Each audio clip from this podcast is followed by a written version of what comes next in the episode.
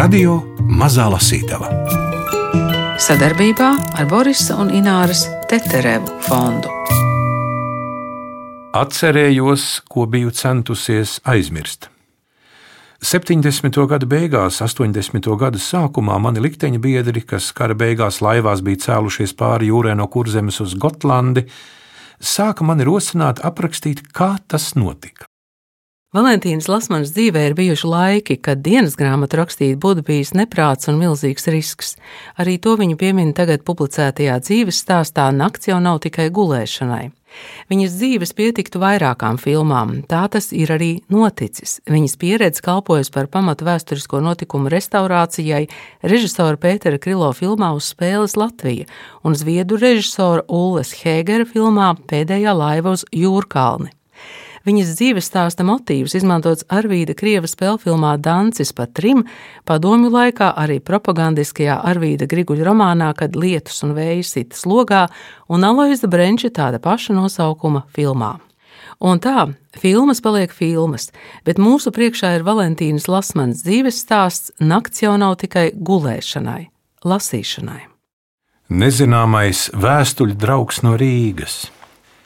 Turpinot stāstīt par 50. un 60. gadu sakariem ar okupēto Latviju, jāpiemina korespondence ar Jāni Puriņu. Tātad korespondence ar Jāni Puriņu no Dzirnavielas. Vairs neatceros, kas man viņu piespēlēja un kā šī sarakste sākās, bet vēl 1949. gadā viņš uzrakstīja uz Latviešu palīdzības komitejas adresi Valijai Grotei Tāds bija mans sagvārds. Sākumā šī saraksta it kā bija saistīta ar pastmarku maiņu, jo tad jau Padomju Savienībā filatelistiem vairs netraucēja sarakstīties ar ārzemēm. Mēs ar Olitu šo puriņu izmantojām par starpnieku sakariem ar vecākiem un ievu lasi. Esmu saglabājusi 1950. gada 25. oktobrī Puriņa rakstītu vēstuli, kurā viņš pateicas par manis atsūtītajiem laikrakstu izgriezumiem par kultūras dzīvi.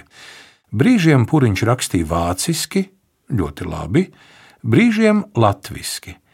Mums gan nebija lielas paļāvības uz šo pūriņu, bet Ieva Lase, piemēram, izmantoja viņa vēstules, jautājot, vai nevar atsūtīt Mārtiņa Zīverta lūgu tvans, ko tad Olita pa daļām sūtīja.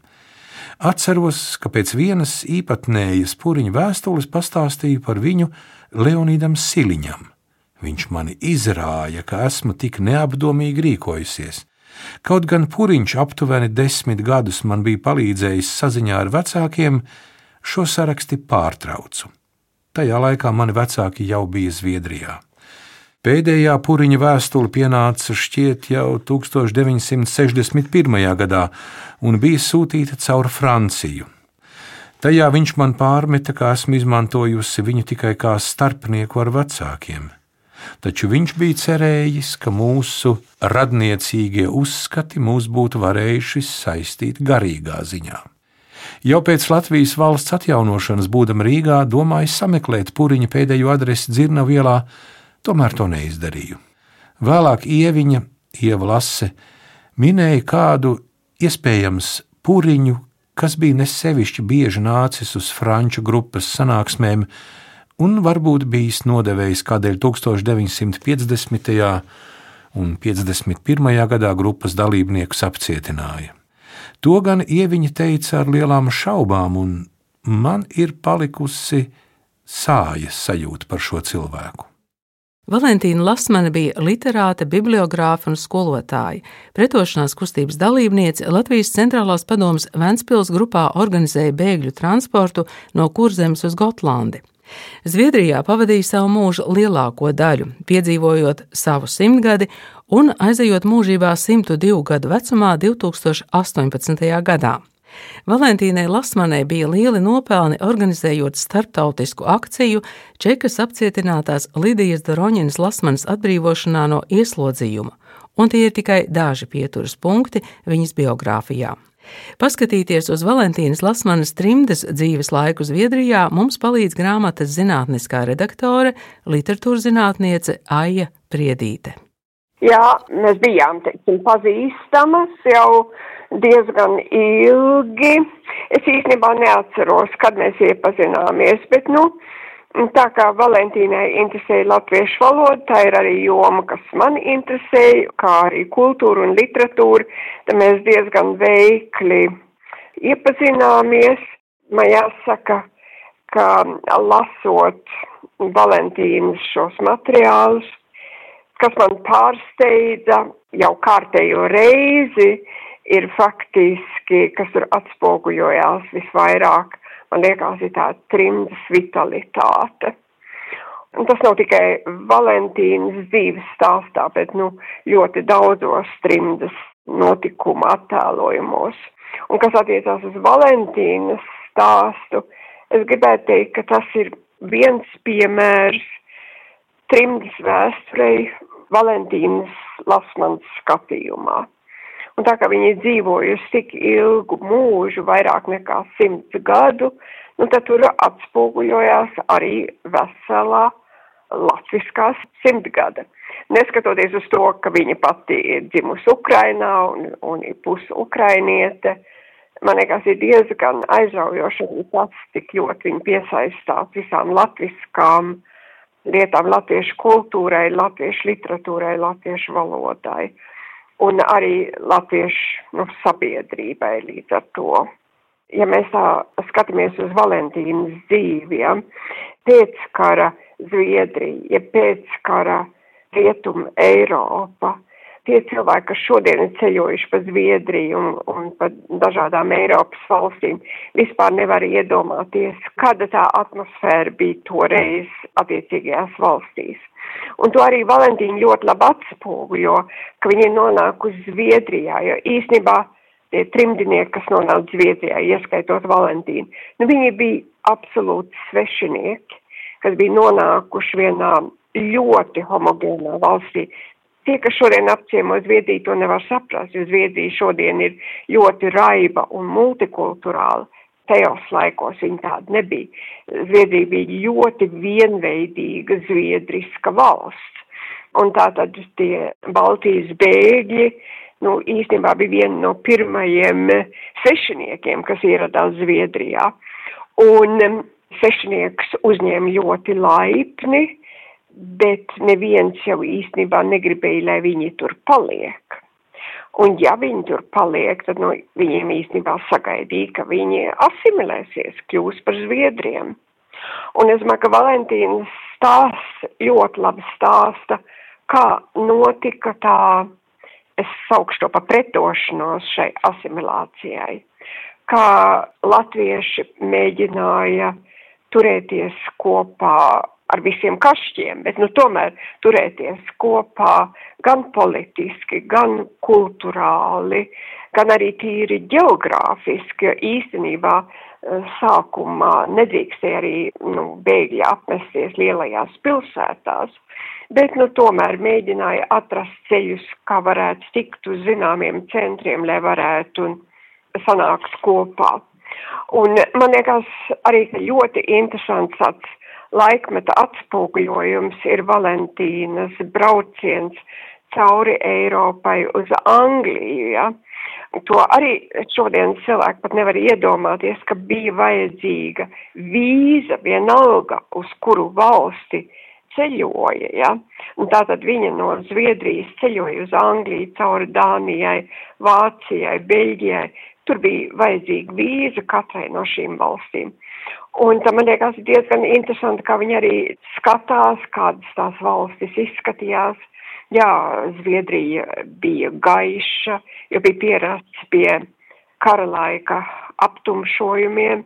Dānija vēl arī kaut cik un nonāk Vācijā, kas bija galīgi tumša, un ja gaisma uzspīdēja, tad redzēja tikai drupas.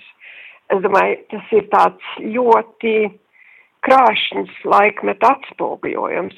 Un tāpat tās, ka viņa tagad brauc uz Angliju, bet ko viņa dara? Viņa apmeklē latviešu bēgļus Dānijā un apmeklē latviešu bēgļus Vācijā, arī Beļģijā, Viņa meklē arī latviešu pēdas, brauc uz Ostendas kapsētu un meklē latviešu karavīru kapus.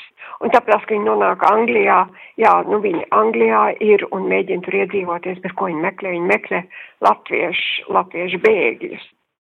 Tēvs zelta kāzās pielika ordeni. Maniem vecākiem pirmā ziema Zviedrijā pagāja lielā pacilātībā.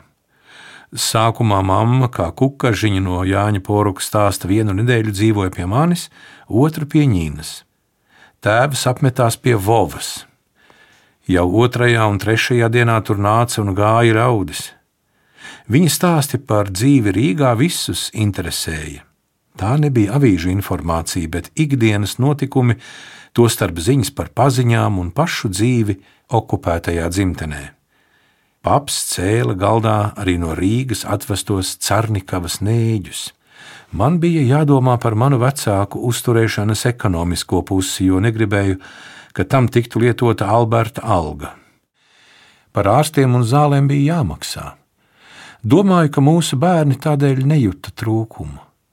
Drēbes bija iemācījusies pirkt jau tolaik pieejamā second-hand veikaliņā, Atceros, ka tajā laikā pārrakstīju pulkveža lasmaņa autobiogrāfiju, par to saņemdam kādu simbolisku maksu. Vienlaikus uzņēmos būt par samarieti divām vai trim sievietēm, kas dzīvoja mūsu pagalma mājās, arī par to drusku maksāja. Atceros, kā ar kuģi no Rīgas pienāca vecāku lielā bagāža. Kad to sāka izpakot, tur bija gan veci gludekļi un kastroļi, gan aitādas kažoks, patvāris, mammas izšūtie galdauti, albumi un manas grāmatas. Bagāžā bija arī papa strēlnieku laika koka koferis. To pēdējā gadā viņš lika man nest viņam uz slimnīcu. Tad es to tīrīju un pucēju, līdz dabūju ārā visus Pirmā pasaules kara sārņus. Mana iekšējā izjūta bija tāda, ka vecāki, kuriem atlicis daudz mazāk laika dzīvot nekā mums, ir jātur pirmajā vietā sapratu, ka pārceļoties uz Zviedriju, vecāki pārdzīvo to pašu, ko es, kad man bija jāsāk dzīvot no jauna, svešā zemē. Zināju, ka mammai būs dzimtenes ilgas pēc pastendes ielas, pēc baznīciņas, pēc vikas kapiņa un draudzenēm. Zināju, ka paps izliksies, ka jūtas labi, bet pārdzīvos to pašu. Savu nostāju es izstāstīju Albertam, un tikai vēlāk atskārtu, ko šādā sakarā pārdzīvoja viņš. Alberta vainas sajūta pret saviem vecākiem tikai palielinājās. 1944. gada novembrī viņš Pāvilostā bija iekāpis onkuļa laivā, nesagaidījis vecākus un māsas. Viņš toreiz solījās braukt viņam pakaļ, bet to ne viņš, ne kāds cits nevarēja izdarīt. Jā, es par to pārāk maz domāju, kad savu vecāku dēļ prasīju viņam vienu pakalpojumu pēc otra. Tiesa mēs sūtījām ielūgumus arī Alberta tēvam, taču padomi Latvijā tos noraidīja. 1959. gada 29. oktobrī mums ar Albertu piešķīra Zviedrijas pilsonību. Latviešu sabiedrībā tas bija diskutējams jautājums, taču lielākā daļa līdzīgi mums izšķīrās par labu Zviedrijas pilsonībai. Lielā mērā to pieņēmām domājot par bērniem, Tas atviegloja arī izbraukšanu uz ārzemēm, kas darbā bija svarīga mūsu voviņam. Vecāki līdz 1966. gadam, vēl astoņus gadus pēc pārcelšanās, skaitījās padomi pilsoņi, kam bija jāiet pagarināt uzturēšanās atļaujas. Saņemot Zviedrijas pilsonību, viņiem arī pienācās valsts pabalsts, jeb tautas pensija, par ko viņi priecājās. Vēl liels notikums mūsu ģimenē bija vecāku zelta kāzas. Ir saglabājusies bilde, kurā redzams paps ar viņam 1931.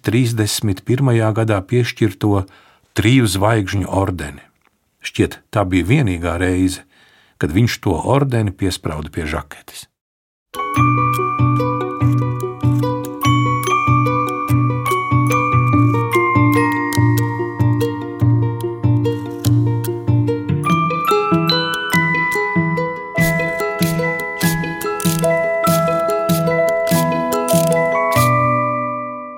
Nakts jau nav tikai gulēšanai. Valentīnas Lasmanes dzīves stāsts. Viņa rakstīja laikrakstos, aprakstīja vietējos notikumus, un viņa ļoti labprāt arī rakstīja recenzijas par grāmatām, kas iznākuši, līdz pat faktiski vēl, ka viņai bija simts gadi, vai ne viņa vēl rakstīja recenzijas par latviešu grāmatām, kas bija iznākuši, un arī par sarīkojumiem. Un viņa arī ir, ko viņa uzskatīja par savu un kas arī patiešām tā ir, ir liels mūža darbs. Viņa izdeva latviešu valodas mācību grāmatu Zviedriem un arī pati to izmantoja. Viņa jau mēģināja mācīt latviešu valodu. Tur bija latviešiem, kas bija precējušies ar Zviedriem, tie pie viņas nāca, jeb arī latviešu, ja puslatviešu bērni. Rakstot par 1000 987. gada kultūras dzīvi Stokā pieminu Uldi Siliņu, kas no Austrālijas atveda lūgu, ir akmeņa rauda, ko arotbiedrības namā izrādīja skatītāju pilnā zālē. Redzējām jūra rozīša raudu pieti, variācijas par Rudolfa Blaumaņa un Annas brigaderes tēmu, ko uzskatīju par jūra labāko uzvedumu. Māra Rozīte atkārtoja savu iestudējumu pēdas, Lalitas mūžnieces grāmatas dramatizējumu. Liels notikums bija Jurija Ljubimova vadītā Maskavas Tagankas teātra viesizrāde Stokholmā. Gorbačova laiks, lielo notikumu priekšpavasaris mainīja gaisotni arī Zviedrijā. Pamazām radās sajūta, ka vēl mūsu paudzes laikā notiks padomijas sabrukums un sekmēsies Latvijas valsts atjaunošana. Protams, ar savu darbošanos šo sajūtu veicināju. Man pašai PSRS līderis Mihails Gorbačovs likās inteliģents un godīgs cilvēks, cik nu vispār godīgs var būt politiķis, jo viņiem ir cits godīguma mērs. Esmu pierakstījusi, ka 1986. gada decembrī Zviedru avīzēs atkal iedegās temats par holokaustu. Rakstīju par Izraēlu Mihelsonu. Ebreju jautājumu pacēlu arī ciemojoties vienu otru latviešu mājās lūkoja uzsākt sarunas par to, kā mēs pret ebrejiem izturējāmies vācu laikā. Nereti atdūros pret to, ka tūlīt cēlās emocijas un visādi negatīvi vispārinājumi. Tomēr Eglona spēka radinieki atsūtīja man informāciju, ka viņi bija izglābuši divus ebreju puikas, aizvedot kā savējos uz Angliju. Viņi jau bija pieauguši. Ar laiku manu interesi par ebrejiem uzzināja Andrievs Ezergailis, vēsturnieks. 80. gados sākās mana sarakste ar Franku Gordonu. Viņš man atsūtīja Izrēlā nodrukātu Frīdas Mihelsonas grāmatu Es pārdzīvoju rumbulu. Es viņam liku pretī kaut kādus mūsu emigrantu darbus, un jau tagad man apgalvo, ka es, kas 1944. gada novembrī mežā pie Ventspils pierunāja Mihelsonu, sakot sev uz laivu, esmu uzskatāma par ebreju glābēju, tad pati to tā nevērtēju. Toreiz glābjot Mihelsonu, es pildīju Latvijas centrālās padomes Ventspils grupas uzdevumu. Citādi nacistu okupācijas laikā man personīgi nebija tādas situācijas, kad būtu varējusi glābt kādu ebreju. Es domāju, ka tas viņai faktiski jau no centrālās padomas laikiem, jo arī tā, viņas līdzdarbība centrālā padomē bija, tas nebija tikai patriotisms, tā bija arī kaut kāda, nu, dziļa taisnīguma sajūta, ja, taisnīguma sajūta pret to netaisnību, kas notika kara laikā pret Latviju un latviešiem. Un šī taisnīguma izjūta uh, Un um, šī darbošanās taisnīguma jomā tā bija viena ārkārtīgi svarīga viņas dzīves sastāvs daļa. Piemēram, kā viņa cīnījās par Lidiju Doroņinu, Lasmanu Doroņinu un iestājās par to un aicināja cits piedalīties šajās akcijās un līdz pat augstākam politiskam līmenim, vai ne, gan Zviedrijā, gan arī caur paziņām Anglijā un tā, lai kaut kā varētu palīdzēt viņai. Un tāpēc ne jau tikai Doroņai, eh, Lasmanai Doroņinai, bet arī citiem politi ieslodzītiem. Ieslodzītiem viņa arī Žaņas kudras lietā iesaistījās un, un vairākos citos. Viņam, viņai bija ļoti dziļa šī taisnīguma izjūta, ja cilvēki ir netaisnīgi apsūdzēti un, un izsūtīti, ka tur kaut kas jādara lietas labā.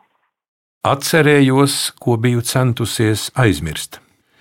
70. gada beigās, 80. gada sākumā mani likteņa biedri, kas kara beigās laivās bija cēlušies pāri jūrē no kurzemes uz Gotlandi, sāka mani rosināt aprakstīt, kā tas notika. Protams, mēs satiekoties par to runājām. Taču Leonīts Siliņš, kas bija viens no vadošajiem Latvijas centrālās padomas kustībā 1943. un 45. gadā, kopā ar vēsturnieku Edgars Andersonu jau bija izdevis atmiņu krājumu par LCP. Par šo tematu Lonis lasīja lekcijas. Taču tieši to, kā 44.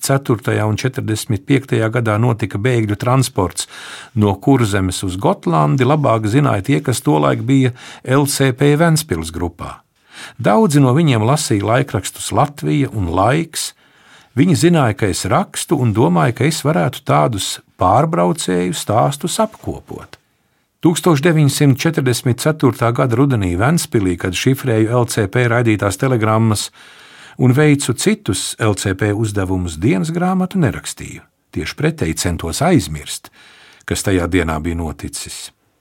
Mēģināju būt gatava tam, ka vācieši mani var arestēt un spīdzināt, prasot izdot LCP noslēpumus.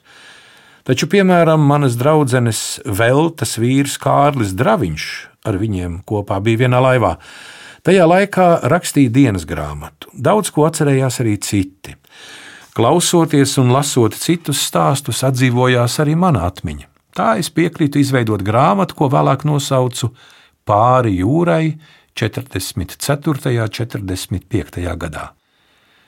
Paņēmusi kasešu diktafonu, braucu intervēt gan laivu kapteiņus, gan tos, kurus pārcēla, zvanīju no darba pa telefonu un teikto pierakstīju, pēc tam pierakstīto devu intervētajiem cilvēkiem pārlasīt Kopā sanāca 130 liecinieku atmiņas. Var piebilst, ka tajā laikā attiecības arī ar Izraelu Mihelsonu bija nonākušas tik tālu, ka viņš man uzticējās un 1981. gadā skudriņās izstāstīja savu dzīves stāstu, tostarp par mūsu liktenīgo satikšanos pie Dundagas 44. gada 13. novembra vakarā. Arī viņa stāsts iedarējās šajā grāmatā. 1985. gada oktobrī pāri jūrai biju uztamborējusi. Devu to lasīt Olitai un Vovam, daudz spriedām, Olita laboja manu valodu un paviršības, vispirms grāmatu drukāt piedāvāju Daugavai. Redaktors pirms atbildes sniegšanas runāja ar Leonīdu Siliņu, kas, kā jau minēju, bija jau publicējis par LCP un laivām uz Gotlandi.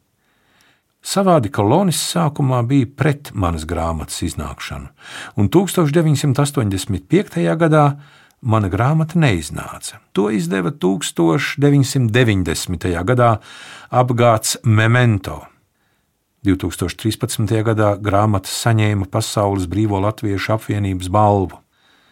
Dīvaini, ka 1993. gadā grāmata pāri jūrai bez manas ziņas tika nodrukāta arī Latvijā.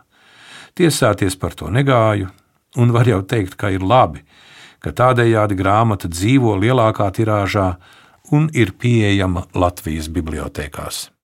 Valentīnas Lasmanas dzīves stāsts Nakts jau nav tikai gulēšanai, gaita grūtupa literārajā apdarē, aizsāk Latvijas mutvārdu pētnieku asociācijas dzīves stāsts, Latvijas Universitātes un apgāda Mansards mutvārdu vēstures sēriju Bezbailīgie.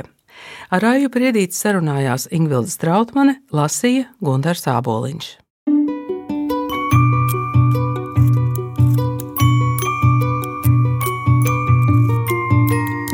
Radio Mazā Lasītava sadarbībā ar Borisa un Ināras Teterevu fondu.